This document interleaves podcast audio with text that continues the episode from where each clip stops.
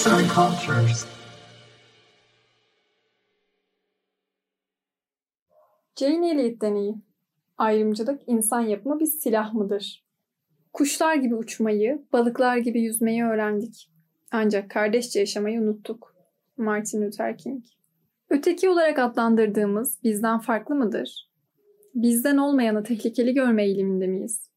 Renkler nasıl oldu da dışlamanın sebebi olarak gösterilebildi? Bütün bu hususlar ayrımcılık adına yöneltilen sorular olarak ele alınabilir.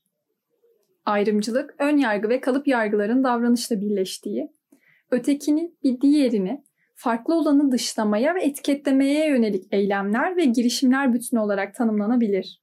1968 yılında siyahi papaz Martin Luther King, suikast sonucu hayatını kaybetmiş ve bu olay bütün dünyada yankı uyandırmıştır.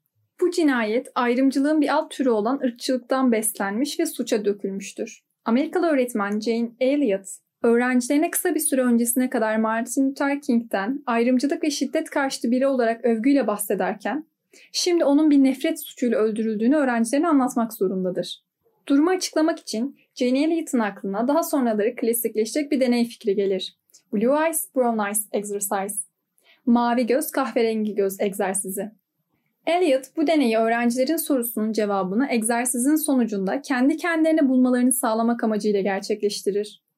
Deney Elliot tarafından Martin Luther King'in suikastından bir gün sonra 6 Nisan 1968'de Iowa eyaletinde Risswell şehrindeki 3. sınıf öğrencilerini kapsayacak şekilde başlatılır.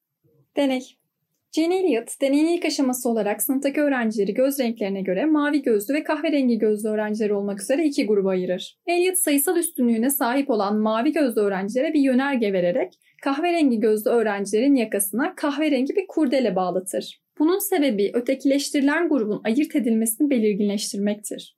Öğrenciler en başta bu uygulamaya itiraz etse de Elliot, yaptığı konuşmayla mavi gözlü öğrencilerin daha zeki ve ayrıcalıklı olduğunu sınıfa kabul ettirir.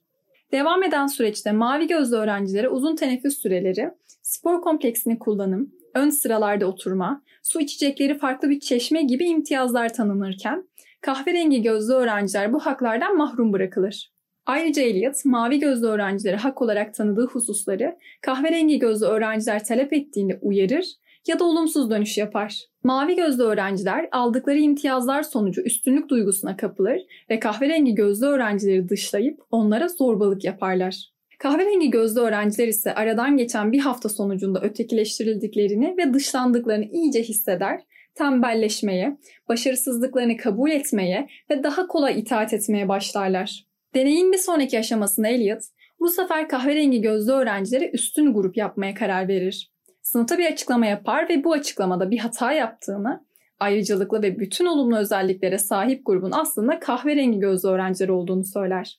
Mavi gözlü öğrencilerin elindeki bütün haklar ve imtiyazlar bir anda kahverengi gözlü öğrencilerin eline geçer. Uzun teneffüs sürelerine sahip olanlar da, ön sıralarda oturanlar da kahverengi gözlü öğrenciler olur. Fakat Jane Elliot bu sefer farklı bir durum gözlemler. Kahverengi gözlü öğrenciler mavi gözlü öğrencilere kendilerine davranılan kadar zorba ve acımasız davranmazlar. Mavi gözlü öğrencilere göre daha anlayışlı ve durumdan daha memnuniyetsizdirler. Jane Elliot yaklaşık iki hafta sonra deneyi bitirir ve bütün öğrencilere gerçeği açıklar. Yaşadıklarının Martin Luther King'in olayını daha iyi anlamaları için bir deney olduğunu öğrencilerine izah eder. Elliot, öğrencilerden deneyimleri ve hissettikleri hakkında bir kompozisyon yazmalarını ister.